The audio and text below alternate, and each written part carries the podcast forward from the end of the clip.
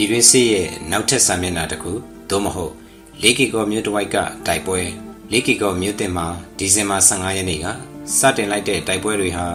အခြားသောလူမသိသူမသိစစ်မျက်နှာမှာဖြစ်ပွားနေတဲ့တိုက်ပွဲတွေနဲ့နှိုင်းယှဉ်လိုက်ရင်တော့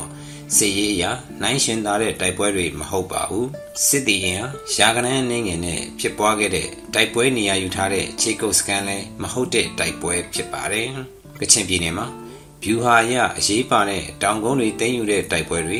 ကရင်ပြည်နယ်မှာ DNU နဲ့စစ်တပ်အကြားအရင်ကဖြစ်ပျက်ခဲ့မှုတဲ့တိုက်ပွဲတွေနဲ့နှိုင်းယှဉ်လိုက်ရင်ကြီးမားတဲ့တိုက်ပွဲတော့မဟုတ်ဘူးလို့ဆိုရမှာပါ။ဒါပေမဲ့ဖြစ်ပျက်တဲ့နေရာကမကြသေးခင်နှစ်ပိုင်းကငင်းငင်းကြီးထိတ်မက်နဲ့တိဆောက်ခဲ့တဲ့မြို့နေရာကအစပြုပြီး KNU တပ်မဟာ6နေညီမှာဖြစ်တဲ့တိုက်ပွဲဖြစ်တာရဲ့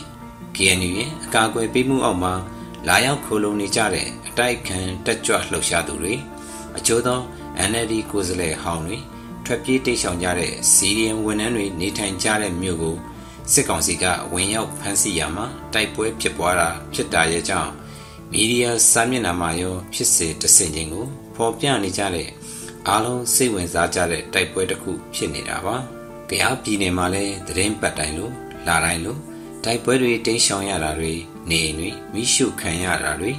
လူတွေအသက်ဆုံးရှုံးမှုတွေဖြစ်ပွားနေတယ်လို့ချင်းပြည်နယ်စကိုင်းတိုင်းမကွေးတိုင်းထပ်ပိုင်းမြောင်ကံကောတို့လိုဒေသတွေမှာလည်းနေ့စဉ်သို့မဟုတ်ရန်အနေငယ်တိုင်းတိုက်ပွဲတွေဖြစ်ပွားနေတာဖြစ်ပါတယ်။လေးကီကိုဖြစ်တဲ့တိုက်ပွဲကဘာကြောင့်သတင်းမီဒီယာတွေနဲ့လူလူပိုစိတ်ဝင်စားကြတယ်လဲဆိုဒီတိုက်ပွဲက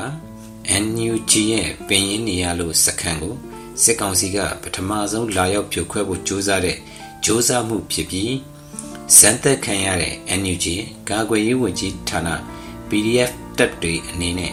နေမီက KNU နေမီဖြစ်တဲ့နေရာမှာဘလို့တုံ့ပြန်လှုပ်ရှားကြမလဲ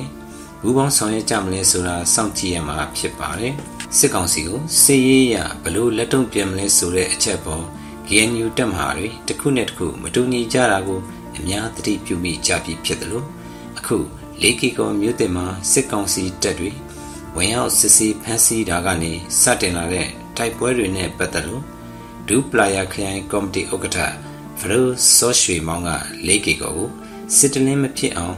လက်နက်ကိုင်အဖွဲ့အစည်းတွေအားလုံးကိုပန်ကြားတဲ့စာလဲထွက်ပေါ်လာတာတွေ့ရပါတယ်။ NUG ရဲ့စီရေးနဲ့ပတ်သက်တဲ့စီမံခန့်ခွဲနိုင်မှုအင်အားတိုက်ခိုက်နိုင်စွမ်းစတာတွေအပြင်အခြေခံနေမည်ဆိုတဲ့မေကုံကိုပါ ထွက်ပေါ်လာစေတဲ့သဘောလည်းဖြစ်ပါတယ်။မြန်မာနိုင်ငံဟာပြည်တွင်းစစ်တပ်ကရုံထွက်ဖို့ကြိုးစားနေစေမှာပဲ2021ခုနှစ်စစ်အာဏာသိမ်းမှုကပြည်တွင်းစစ်မီးကိုအရှိန်နဲ့ပြန်လည်တောက်လောင်လာအောင်လောင်စာဖြည့်လိုက်တဲ့သဖွယ်ဖြစ်ပါတယ်။ပြည်တွင်းစစ်ရဲ့စာမျက်နှာတွေကိုအဆုံးသတ်ဖို့စရင်ပိတ်ဖို့ကြိုးစားနေစဉ်မှာ2020ရွေးကောက်ပွဲကနေအစချီလာတဲ့နိုင်ငံရေးအကြက်အတဲကစရင်ပိတ်ဖို့ကြိုးစားနေတဲ့ကြိုးစားမှုတွေပြက်ပြားစေပြီး ပြည်တွင်းစစ်စာမျက်နှာတဲ့ခေါင်းစဉ်တစ်တွေဖွင့်ဖို့ပါတိုက်ခိုက်သူအသစ်တွေပါဝင်လာဖို့ဖိတ်ခေါ်လိုက်တယ်လို့ဖြစ်စေခဲ့ပြီးဖြစ်ပါတယ်။စစ်နဲ့ပတ်သက်တဲ့ဆိုယူစကားအမျိုးမျိုးရှိကြရမှာသတင်းမီဒီယာနဲ့ဆက်နွယ်တဲ့ဆိုယူစကားတစ်ခုကတော့